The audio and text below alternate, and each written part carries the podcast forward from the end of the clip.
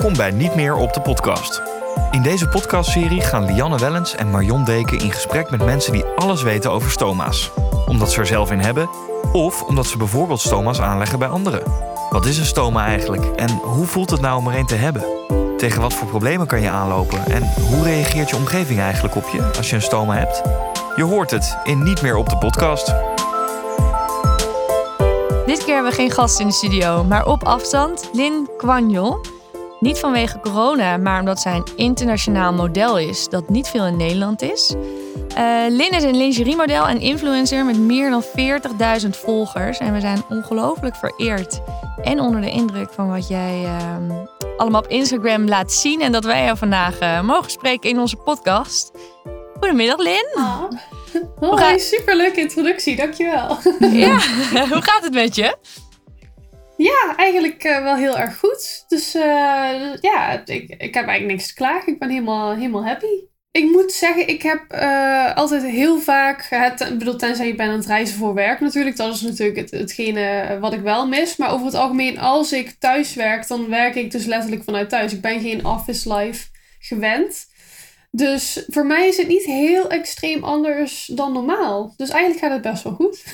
ja. Wij zijn in een uh, eerdere podcastaflevering uh, ja, op jouw Instagram-account getipt door uh, een, mm -hmm. een, dame die we mogen interviewen, Engelien. En um, vandaar dat we nu met jou aan tafel zitten. Maar um, vertel ons eigenlijk, wie, wie, wie ben je eigenlijk?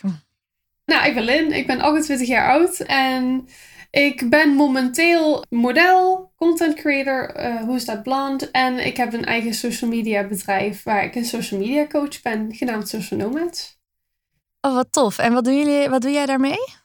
Ik, als, als influencer heb ik natuurlijk heel vaak de vraag gekregen: en hoe doe je dat dan en hoe werkt dat dan? En ik dacht van ja, ik vind het heel leuk om mensen zich beter te laten voelen, om mensen te helpen. En ik dacht voor mij is het zo weinig moeite om dan uit te leggen wat ik doe op Instagram het net zo goed aan andere mensen uitleggen dat die daar gelukkig van worden en daar hun business mee kunnen boosten en dat soort zaken. Wat leuk.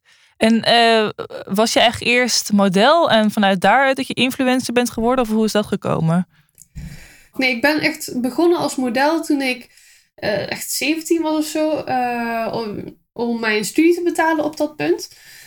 en daarna, ik ben vrij jong afgestudeerd. Ik was 21 en toen had ik al drie universitaire titels op mijn naam. En ik dacht, ja, maar ik ben 21, dus ik heb niet echt behoefte om nu al hè, office life en 9 to 5 en, en hè, daar voel ik me nog veel te jong voor. Dus toen dacht ik, nou, ik, ik doe al vier jaar parttime modellenwerk voor mijn studie.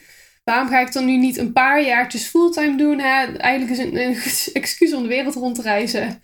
Uh, en nog niet te hoeven settelen. En dan zie ik later wel wat ik ga doen. Uh, dus zo gezegd, zo gedaan. Maar ja, dat was net rond de tijd. Want dat is dus inmiddels oeh, zes, zeven jaar geleden ongeveer. Dat, dat Instagram helemaal was aan het opblazen natuurlijk. Dat was toen net echt de influencers een ding begonnen te worden. Helemaal in het begin. En ik dacht van ja... Eh, het was voor mij al vrij makkelijk om opeens 10.000 volgers uh, te hebben op dat moment. Omdat je dan, hè, je bent aan het reizen, mooie foto's. En ik was dus gewoon fulltime model aan het zijn. En toen had ik opeens 10.000 volgers. Toen dacht ik, oh, maar oké, ik kan niet voor altijd model zijn. Dat is gewoon, hè, dat is gewoon een feit. Waarom ga ik dan niet, terwijl ik al model ben, alvast werken aan hè, de toekomstige inkomstenstroom, als het ware. Dus toen ben ik, terwijl ik model was, ben ik langzaam mijn following gaan opbouwen, zodat ik daarna uh, kon uh, retiren als model. en uh, fulltime voor creator kon gaan. Dus je bent eigenlijk een business model ja, ja, business model. Precies dat. Hey, en wat voor uh, modellenwerk ja. deed jij vooral? Waar kunnen we jou zien? Ja, dat is echt uh, van alles en nog wat. Met name toen ik jonger was, deed ik en een mix van high fashion en editorial en, en catwalk en dat soort dingen. En toen ik steeds wat ouder werd, uh, ging ik meer commercieel werk doen, dus commercials. Ik heb letterlijk een keer in zo'n hele fancy villa in Spanje ergens een, een deo, deodorant commercial gefilmd. van Duits, een of ander Duitse deo-merk en, dat soort dingen. Ik heb in, in Istanbul in allemaal fancy bruidsjurken moeten staan. En ik heb in Miami de, de, de swimwear uh, catwalk gedaan. En Hunkemuller heb ik heel veel gedaan, heel veel campagnes voor gedaan. Ehm, en nu dus onlangs eh, ook de HEMA-campagne natuurlijk. Hè, met uh, met, met uh, Dori Mestoma. Ja, daar gaan we je zo van alles over vragen. Klinkt wel als een heel erg glamour life wat, jij, wat je leidt. De hele wereld rond. Ja, toen echt dat die fulltime reisperiode was natuurlijk wel echt heel tof. En kijk, het is ook echt wel minder, dus echt niet in en al glam de hele tijd hoor. Dat ziet er natuurlijk op beeld heel mooi uit. Er zit heel veel behind the scenes gedoe achter, maar het is wel heel creatief. En de meeste van de tijd zijn het altijd hele leuke mensen waar je mee werkt. Allemaal creatieve dingen om je heen. Uh, en dat was wel echt hetgene waar ik het voor deed. Dat was echt het tofste wat ik, er, wat ik ervan vond, zeg maar. Wat tof hoor. Ja, klinkt echt heel cool. Maar ja, toen was wel ja, vorig jaar uh, wel een bewogen jaar eigenlijk voor jou geworden. Niet uh, alleen eigenlijk vanwege corona, want jij werd uh, ziek eigenlijk door iets anders. Ja, nou ik was al een aantal maanden niet helemaal gezond, maar ze waren nog aan het uitzoeken wat het was. Dus ik had wel lichte darmklachten, ik had een beetje ontstekingsremmende medicatie, maar niet iets te heftigs of gek. April 2019 was ik al hier en daar naar het ziekenhuis aan het gaan om erachter te komen wat er aan de hand was. En toen opeens, dus in, in maart 2020, ging ik van best wel prima en oké naar echt binnen twee weken tijd dat ik gewoon niet meer uit mijn bed kon. Uh, blackouts. Uh, twintig keer per dag naar de wc. Dus ik ben ook 10 kilo afgevallen in die twee weken. Oh, wow. um, en ja, alleen maar in bed liggen en, en heel veel pijn. Heel, heel vermoeid. Heel, ja, gewoon, gewoon echt helemaal lockdown niveau. Niks meer kunnen op dat moment. Het was wel heel heftig, ja. En was toen al bekend wat je had? Ze hadden een vermoeden. Uh, maar het is, nog, het is dus nooit officieel geconstateerd, omdat het daar dus al te laat voor was. By the time uh, dat mijn uh, darm werd verwijderd. maar ze vermoeden dat het colitis ulcerosa was. Na, hè, na die twee weken thuis te zijn geweest, want hè, dat was toen net toen de eerste coronagolf een beetje dat iedereen heel bang was. Ga niet naar het ziekenhuis. Dus ik, ik was afgeraden om naar het ziekenhuis te gaan van mijn arts in, in de eerste week. En toen heb ik de tweede week nog een keer gebeld, echt huilend van ik weet dat het nu corona is. Ik weet dat we proberen zo min mogelijk mensen naar het ziekenhuis te laten gaan. Maar dit kan gewoon niet. En toen kwam ik daar en ik, ik moest letterlijk in een rolstoel worden geduwd door mijn vrienden omdat ik niet meer kon lopen. Van ja, ik had gewoon niks meer over. Ehm, en toen zagen die artsen mij daar en die dachten echt, waarom ben jij niet eerder gekomen? ja. Hm, dat uh, corona, helaas. Uh, dus ik ben toen direct opgenomen. Ik ben toen direct aan een aantal infusen gelegd. En toen kreeg ik de allerzwaarste medicatie. Volgens mij heet dat infliximab. Ja. En toen kwamen ze toen eigenlijk, dat was een anderhalve week verder. Of twee weken verder. En toen kwamen ze naar me toe en zeiden ze ja... Of we wachten nu nog drie extra dagen om te kijken of die infliximab uh, gaat aanslaan maar heel eerlijk gezegd denken wij dat jouw darmen sneller, ik weet niet hoe je dat, ik weet niet hoe ze dat benoemden qua term, maar bijna doorbrand worden door die ontstekingen, zeg maar die ulcers die erin zitten, dat het door je darmwand gaat branden. Die kans is groter binnen drie dagen uh, dan dat die inflectiemap gaat werken. Dus uh, we hebben overlegd met het, met hè, het hele team. Uh, en we hebben besloten een spoedoperatie in te plannen. Je wordt morgen geopereerd en je krijgt een stoma. Dus uh, dat was best wel, best wel heftig. Uh, ook om de reden dat ik op dat punt, punt nog niet eens wist wat een stoma was. dat is van, eh, ik weet, je weet dat iets met darmen is. En je weet dat iets, hè, dat is over het algemeen dat ze verwachten dat iets met oude mensen is. Uh, dus er is echt zo'n verpleegkundige moeten komen met zo'n brochure. van oké, okay, dit is een stoma en zo werkt het. En hier moet je rekening mee gaan houden. En, en dat was zo'n whirlwind dat je echt denkt van, van helemaal niet eens weten wat het is. En eigenlijk was je best wel prima twee weken geleden naar... Je krijgt een stoma en, en je wordt morgen geopereerd. En that's it. Ja, dat moet wel even een bericht uh, voor je geweest zijn. Wat ging er door ja, je heen? het was... Uh, is, uh, ik denk dat, dat ik op dat punt... Want het ging toen echt gewoon heel erg slecht met mij. dat ik, ik was gewoon exhausted. Ik was gewoon... Ik had geen kracht meer. Ik was helemaal op. Ik had ook gewoon niet echt de energie om daar iets van te vinden verder. Dus, dus niet, je hebt niet de luxury positie op dat moment om daar echt iets van te vinden. Je, wil, je moet gewoon gefixt worden, want anders dan is op een gegeven moment is het gewoon klaar. Dus op dat moment zelf was ik daar vrij rustig onder. Tuurlijk wel een beetje verdrietig, maar ook vooral van ja, maar dit is gewoon nodig voor survival, zeg maar. Dus dat is de prioriteit nu. Je krijgt hele andere prioriteiten op als je zo, zo ziek bent. Ja. Je zei al, er kwam een verpleegkundige met een brochure, maar had je het gevoel dat je erop was voorbereid op het krijgen van een stoma?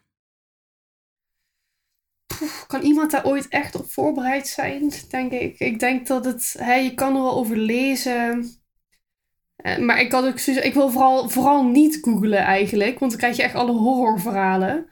Um, en tuurlijk, een brochure geeft wel basisinformatie, maar dat gaat je niet helpen met de dagelijkse dingen, denk ik dan.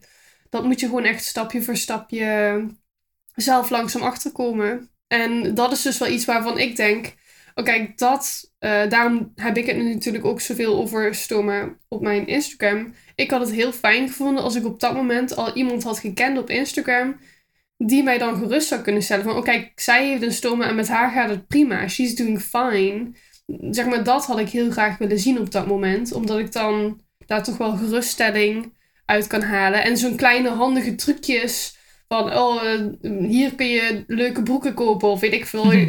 Zo'n soort dingen. Dat je dan denkt, oh ja, ik heb een, een bron van iemand die is zoals mij. En die snapt precies waar ik over, nadenk, over moet nadenken. Um, want dat staat niet in een brochure natuurlijk. Dat is ook heel begrijpelijk dat dat er niet in staat. Uh, hier ga je shoppen. dus, um, dus ja, nee. Ik denk dat je niet helemaal voorbereid kan zijn op stoma. Je miste eigenlijk ook een voorbeeld. Ja, ik heb wel het idee, maar dat kun je natuurlijk nooit helemaal weten. Ik denk als ik al eerder iemand had gekend via, via Instagram of in het echt, kan natuurlijk ook, met een stoma. Um, en daar dan inderdaad dingen van had gehoord of gezien hoe zij er dan mee omgaat of wat zij dan doet. Uh, en dat ze eigenlijk helemaal, het helemaal prima met haar gaat. Dat ik me dan wel gerustgestelder had gevoeld. Want nu is het echt van één grote sprong in het onbekende. En je hebt geen idee wat er gaat komen. En je weet helemaal niet wat je moet gaan doen. En je moet het maar gaan uitzoeken. En toen werd je wakker uit de operatie. Hoe was dat? Nou, eerst was ik echt helemaal oud door die narcose. echt, uh, dat heeft echt wel even geduurd.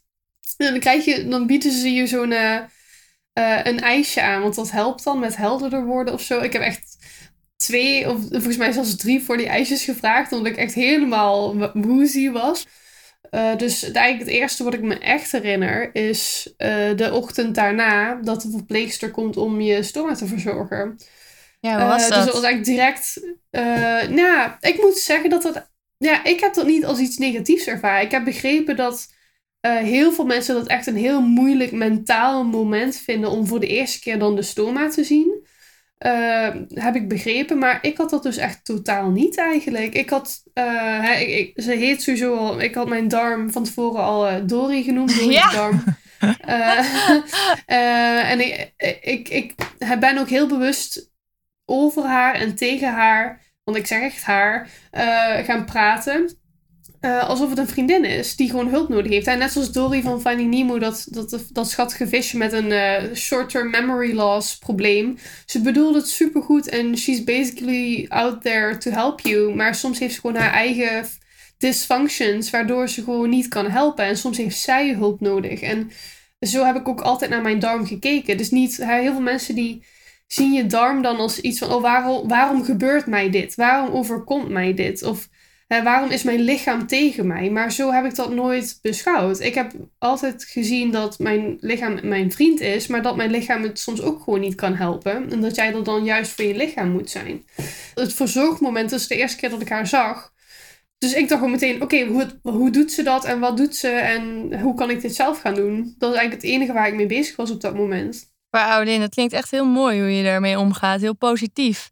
Maar heb je het dan nooit echt als, als, als heel zwaar ervaren? Want ik kan me ook voorstellen, je leeft op dat moment ook van een deel van je modellencarrière.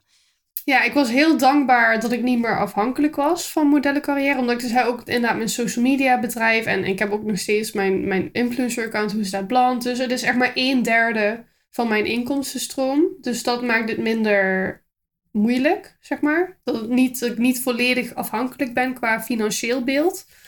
Ja, en ik wist wel gewoon dat mensen. Kijk, sommige merken gaan, dat, gaan niks meer van zich laten horen. Dat is gewoon zo. En sommige merken gaan het juist heel tof vinden. En die willen daar juist aandacht aan besteden. En dan denk ik ook van. Als je dat niet kan.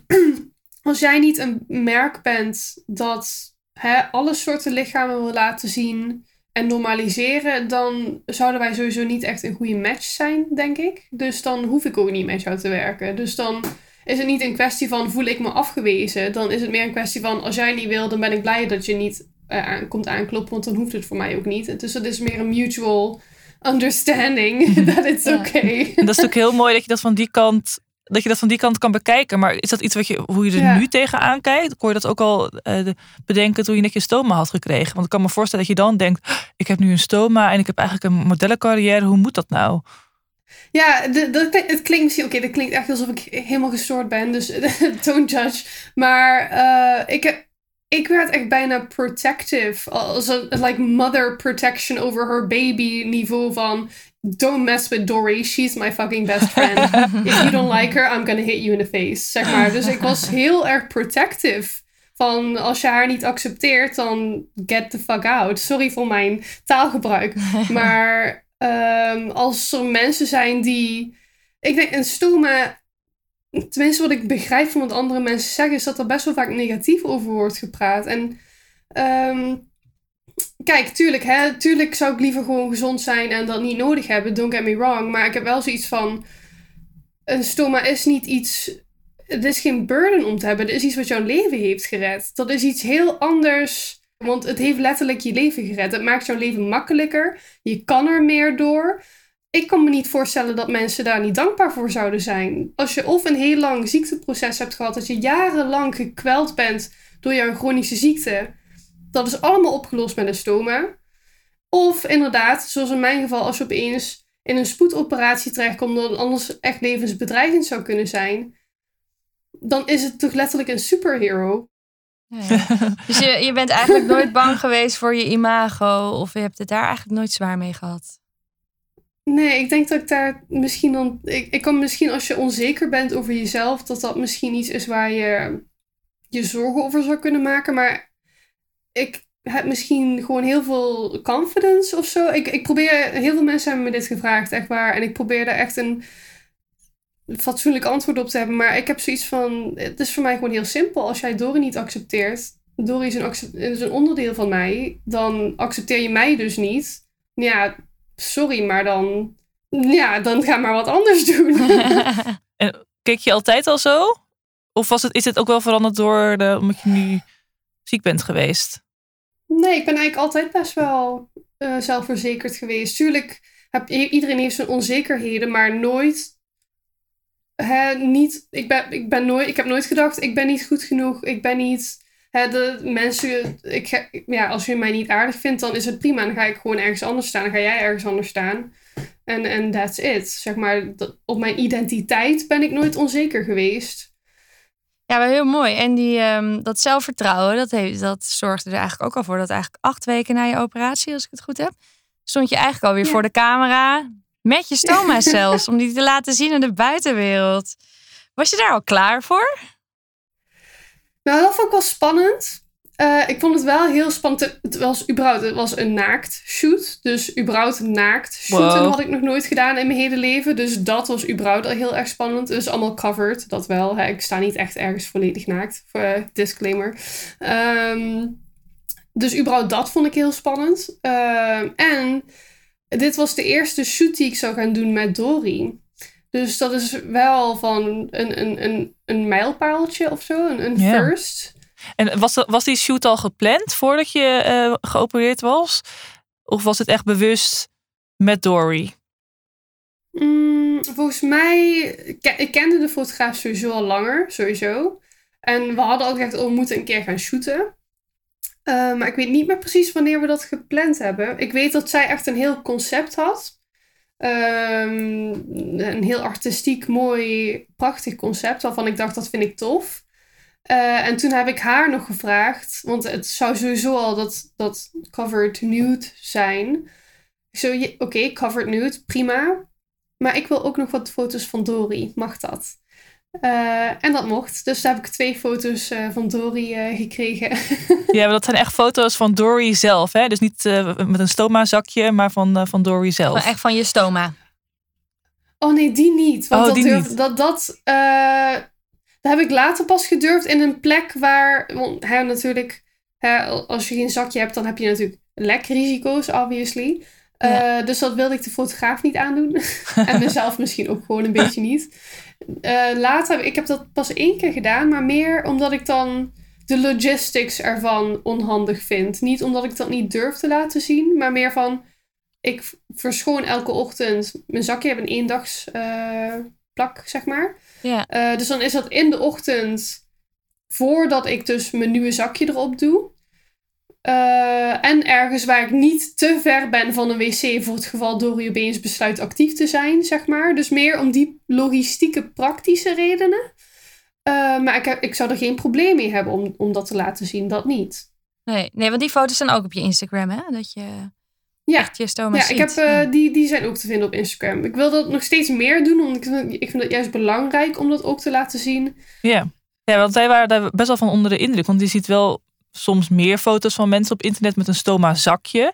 Maar eigenlijk het stoma mhm. zelf wordt niet zo heel veel eh, laten zien. Dus ja, best wel stoer dat je dat uh, hebt gedaan.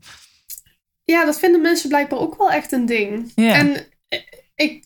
Mm, even denken hoe ik dit zeg. Ik snap het. Voor mij hangt het ook wel een beetje af uh, hoe Dory uh, er op dat moment uitziet.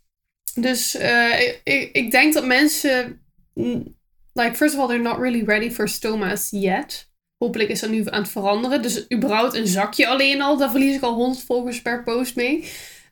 Dus ze zijn er al niet helemaal klaar voor. Dus ik wil ook niet ze meteen te hard chockeren en ze wegjagen. Dus ik ben eigenlijk een beetje bezig met hè, stukje voor stukje wat meer en wat dieper en wat heftiger. Als in, ja, heftig hoort het dus eigenlijk niet te zijn, maar dat is het dus wel voor mensen soms nog wat, uh, wat, wat, wat net een stapje verder te gaan, zodat ze steeds meer eraan gewend raken. Maar ik denk als ik nu constant naakte Dory uh, zou laten zien, dat mensen dan echt heel hard zouden afschrikken. Uh, wat jammer is, wat eigenlijk niet de bedoeling is, wat niet hoort, maar het gebeurt wel. Dus. Ja, hoe, merk, hoe merk je dat, dat het gebeurt? Krijg je wel eens negatieve reacties?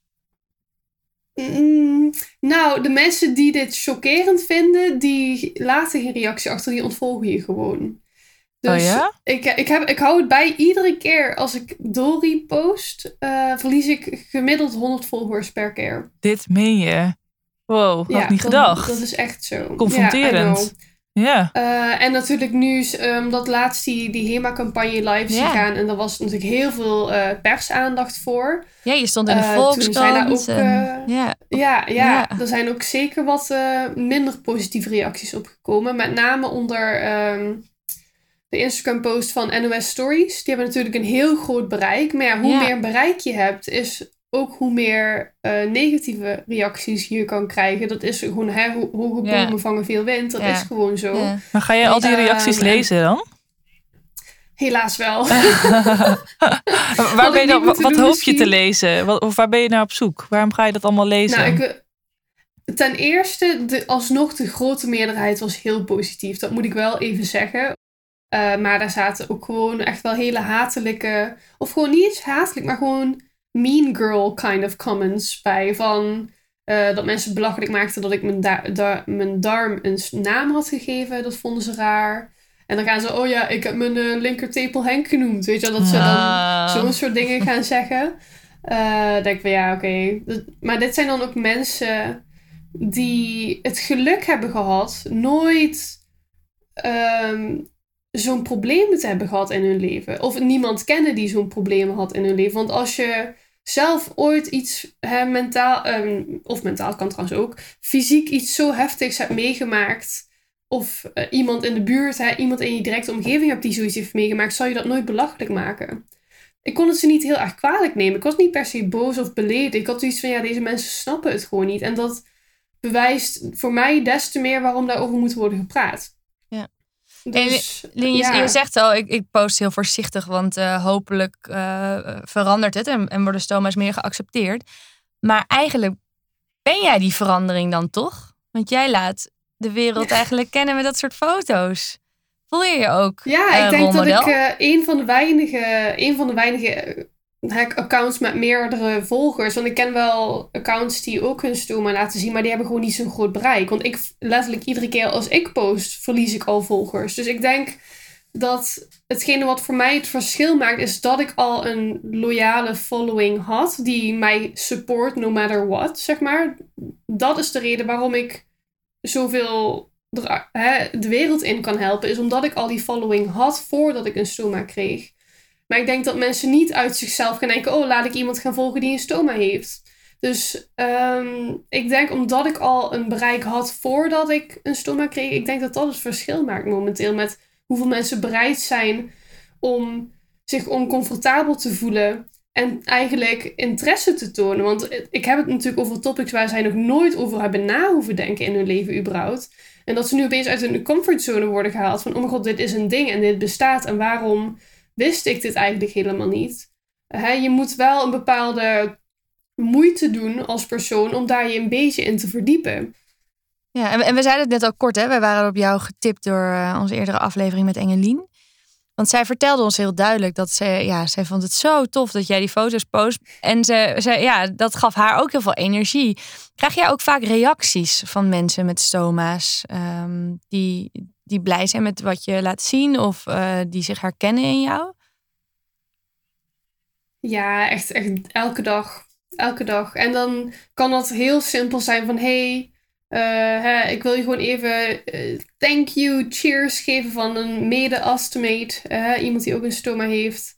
Ik vind het heel tof wat je doet, dankjewel. Maar het kan ook letterlijk een heel levensverhaal zijn...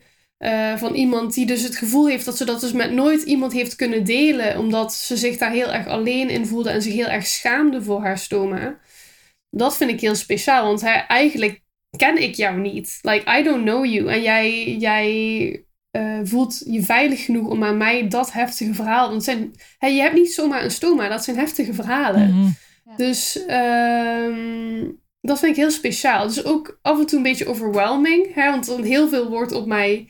eh, nou, ja, ik bedoel niet dat echt bedoel, maar een beetje gedumpt. Van hier, ik wil mijn verhaal kwijt, want niemand heeft ooit geluisterd. Dus hier is mijn hele levensverhaal. Af en toe kan het best wel heftig zijn voor mij als ik er zoveel lees op een dag. Hoe ga je daar dan mee om?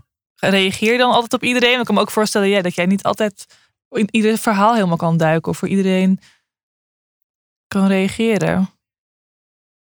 Eerst probeerde ik echt meteen eh, heel uitgebreid te reageren. Want ik, ik vind het zo speciaal dat zij dat met mij delen. Dan wil ik die, hè, dat teruggeven, dat ik ook de tijd neem om iets serieus, echt een verhaal terug te schrijven. Met name in het begin, toen het allemaal best wel nieuw was voor mij, eh, probeerde ik daar echt constant mee bezig te zijn. Maar ik merk gewoon dat hou je niet, op dit niveau hou je dat niet vol. Dus nu eh, probeer ik wel iedereen te antwoorden, maar wel op het moment dat ik daar de mental space voor heb. Dus dat kan soms, eh, soms is dat binnen een dag en soms kan dat letterlijk een maand duren voordat ik antwoord, maar ik antwoord altijd. En hoe, hoe denk je dat we al die ehm, eh, nou, volgers of reacties die je krijgt, hoe, we die mensen het beste kunnen helpen? Want blijkbaar zijn ze ergens naar op zoek. Willen ze graag hun verhaal kwijt.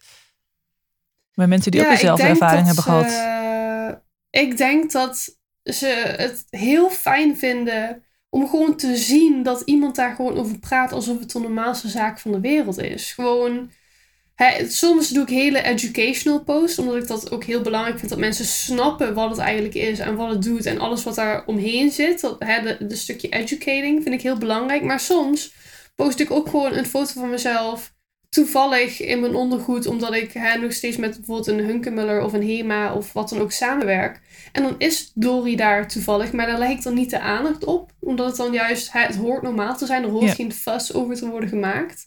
Dus ik- ik denk dat ze dat heel fijn vinden, dat ik en help met de samenleving beter begrijpen wat het is, dat het minder een negatief stigma heeft. Dus ik denk dat stigma weghalen, dat dat heel erg helpt. En als dat negatieve stigma weg is, dan voelen mensen zich ook veiliger om erover Ja. te praten.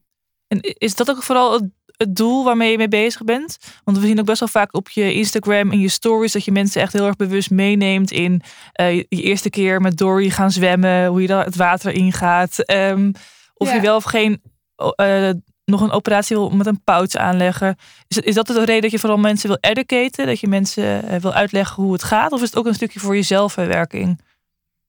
Nee, ik denk dat het echt voor mij... Ik, ik voel dit wel als een soort van missie voor mezelf. Dat ik dit wil kunnen creëren voor anderen. Omdat ik het geluk heb dat ik die stem en dat platform heb. Die heel veel andere mensen niet hebben. En ik heb het zelfvertrouwen om dat zonder schaamte te delen. Wat ook heel veel mensen niet hebben. Dus ik voel me bijna geroepen om dan, omdat ik en, en het platform en de confidence heb. En niemand anders doet het. Dus dan moet ik het maar gaan doen. Ik voel me daar gewoon heel erg tot, uh, tot geroepen. Wauw. En je hebt het zelf ook gemist. Ja, en ik had, ik had het heel fijn gevonden als ik uh, op dat moment iemand had kunnen volgen die mij had kunnen geruststellen en had kunnen laten zien van kijk, het is helemaal normaal, het is helemaal oké. Het is niet alleen voor oude mensen, want dat is wat mensen nu altijd denken. Uh, er zijn genoeg, zoveel jonge vrouwen waar ik berichten van krijg. Ik dacht van wow, veel meer dan, dan iemand die er geen verstand van heeft ook maar zou kunnen denken of weten. En daarom ik neem het de samenleving niet eens kwalijk, want als er niet over wordt gepraat, dan kun je het ook niet weten. Maar daarom moet er gewoon zonder enige schaamte gewoon met volledige openheid over gepraat worden. Ja. ja, ik vind het heel mooi hoe je dat zo zegt. Hey, we hadden het er al uh, kort over, of nou kort over de campagne hè, van de HEMA. Die had veel publiciteit in de Volkskrant en de NOS Stories. Ja. Hoe is het sindsdien met je gegaan? Um, dus heeft het heel veel, uh, ja, ik kan me voorstellen dat heel veel mensen op je af zijn gekomen. Het is heel grappig eigenlijk. Um, ik had eerst nog niet eens door dat de campagne uit was, want het was gewoon gepost en ik was niet getagd of zo. Dus ik had eerst nog helemaal niet door dat het überhaupt live was. Uh, maar toen kreeg ik opeens een uh, telefoontje van een freelance journalist. Uh, zij werkt voor Linda. Linda of Linda Meijden, I'm not sure. Maar zij werkte eerst voor een ander magazine waar ik echt een jaar geleden al een interview mee had gedaan. En dat was net in de periode, ik had net dat interview met haar gedaan in de tijd dat ik net mijn stoma had. Dus zij wist dat ik een stoma had. En zij belde mij dus op. en ze zei: Len, ik weet niet of je het hebt gezien, maar Hema heeft een campagne gedaan met een stoma-model. en ze, ja, en omdat jij een stoma hebt, ja. Uh, misschien vind jij het leuk om daar een comment op te geven die ik voor mijn artikel kan gebruiken. dus ik ging natuurlijk helemaal stuk. Ik dacht, oh mijn god. Maar ja, mijn gezicht staat er natuurlijk Ik ben dat, ja. Dus toen heb ik dus dat interview met Linda Meijden of Linda Magazine gedaan. Dat kwam echt meteen, dezelfde dag, echt één of twee uur later, kwam het meteen online. En toen dus mijn identiteit bekend was, want niemand wist wie dat model was. Uh, zodra iemand erachter kwam dat ik dat was, is daarna die hele mediastorm. Dat is echt nog nooit meegemaakt, moet ik zeggen. Ik werd opeens gebeld voor een radio-interview van Fun, uh, Fun XFM of zoiets. En uh, inderdaad, allemaal magazines die opeens uh, met me wilden praten. Een, een, Belgische krant. Ik heb in België in drie van de grootste kranten van België gestaan. Ik heb een televisie-interview gedaan in België. Oh, Zelfs Franse artikelen geschreven. Engelstalige, de Engelse Metro heeft een artikel geschreven. Dat ik echt denk van, oh mijn god, wat een ontploffing. En, ik, ik denk dat ik het zelf... Uh, ik denk dat je dat zelf helemaal niet met je eigen hoofd kan bevatten hoeveel mensen dat dan eigenlijk echt zien en hoeveel impact dat maakt op mensen. Dat is echt. Ik denk dat je dat niet kan bevatten als persoon. De halve Nederlandse en Belgische samenleving, of minst over het woord stoma gehoord. Hè? Voor degenen die dat überhaupt nog nooit hadden gehoord, is dat dan een goede, goede stap. en voor degenen die er uh, wel een keer van hadden gehoord, maar dachten dat het voor oude mensen was, zien dat het ook voor jonge mensen is. En de mensen die een stoma hebben of bang zijn voor een stoma en dan zien dat het met mij helemaal prima gaat voelen zich beter over zichzelf. Dus ik heb echt zoiets van, nou, het is echt alleen maar win, win, win, win. Ik vind het helemaal top. Jullie doel is wel echt bereikt. Ja, maar, dat is precies wat ik wilde bereiken. Ja, ja. En hoe is jullie samenwerking eh, tot stand gekomen? Dat was eigenlijk echt heel uh, toevallig. Uh, ik heb nog steeds een modellenbureau en gelukkig een heel inclusief modellenbureau. Daarom kon ik met een stoma nog steeds bij hun terecht. En zij zei van ja, HEMA uh, doet een campagne en zij hebben interesse in jou, kun je naar een casting gaan. En toen ben ik naar de casting gegaan. En toen kreeg ik diezelfde avond te, te horen dat ik was geboekt. En dat was het. Dat was eigenlijk gewoon een pure, eigenlijk gewoon pure modellenopdracht. Hey, en kan je dat allemaal wel in je eentje aan? Of heb je een heel team om je heen die je daarbij helpt? Je, je vriend zagen we uh, voordat we uh, begonnen met deze opname al in beeld. met name nu de media-aandacht. Doe je dat alleen?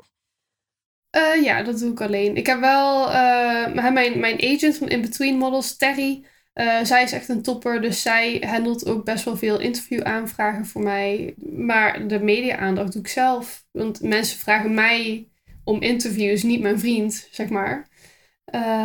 maar natuurlijk op de achtergrond zijn en mijn familie en mijn vriend zijn super behulpzaam kan echt, uh, ik denk dat dat alles überhaupt in mijn hele leven altijd makkelijker heeft gemaakt. Dat ik gewoon altijd door mijn vrienden en uh, familie uh, altijd volledig geaccepteerd ben geweest. Ik denk dat zonder die support zou ik het sowieso niet, niet kunnen volhouden qua energieniveau. Dat is echt niet te doen. Sowieso. Ja, mee gezegend met je familie en met je vriend dan. Want hoe was dat voor, voor jou en je vriend samen dat je zo ziek werd en nou, na een operatie een stoma had? hij is ja, hij is gewoon echt fantastisch. Ik heb, hij heeft geen enkel moment getwijfeld of die, hè, dat, want dat is natuurlijk ook een keuze, wil ik helemaal meegaan in dat ziekteproces en het hele revalidatieproces. We zijn natuurlijk al heel lang samen. We zijn uh, op dit moment 9,5 jaar samen. Uh, dus hij heeft echt geen moment getwijfeld. Uh, ik denk dat onze relatie alleen maar sterker heeft gemaakt. Want ik, je ziet wel, dat is wel echt iets als je zo um, in zo'n heftig ziekteproces terechtkomt en je echt even van de, van de aardbol verdwijnt voor een paar weken, maanden, dan zie je echt wel wie er echt voor je is en wie niet, zeg maar. Ja. Uh, en dit heeft onze relatie alleen maar versterkt op een manier van dat ik denk, nou, ik kan over twintig jaar heel ziek worden en ik weet gewoon dat hij er nog steeds voor me gaat zijn, ook over twintig jaar. En dat is wel heel speciaal natuurlijk. Wow. Hey, lieve, willen je onwijs bedanken voor alles wat je vandaag met ons wilde delen. Ik uh, spreek namens allebei. We vinden het zo tof hoe je je business ehm, en je platform gebruikt. Eigenlijk om mensen ja, te onderwijzen over het stomen en positiever op aan te spreken. Hoe het leven uh, eigenlijk ook nog net zo leuk is voor jou als voorheen. En uh, ja, dat je het echt gebruikt uh, voor het positieve. Echt onwijs bedankt dat je vandaag met ons wilde kletsen. En we wensen je ja, alle succes met de social nomads en um, de Instagram. En we blijven je zolang Instagram bestaat uh, volgen, hè Marion? Ja, zeker. ik denk dat we nog heel veel van jou langs gaan zien komen. Ja, dat sowieso. Je hebt nog heel veel zien. Dankjewel. Thanks. Super. Bedankt voor het luisteren. Wil je nou meer weten over stoma's? Neem dan een kijkje op www.stomavereniging.nl of blijf luisteren naar deze podcast. Deze podcast is gemaakt door Lianne Wellens, Marion Deken en Max Schuiling. En is mede mogelijk gemaakt door de Stoma Vereniging en Zon MW.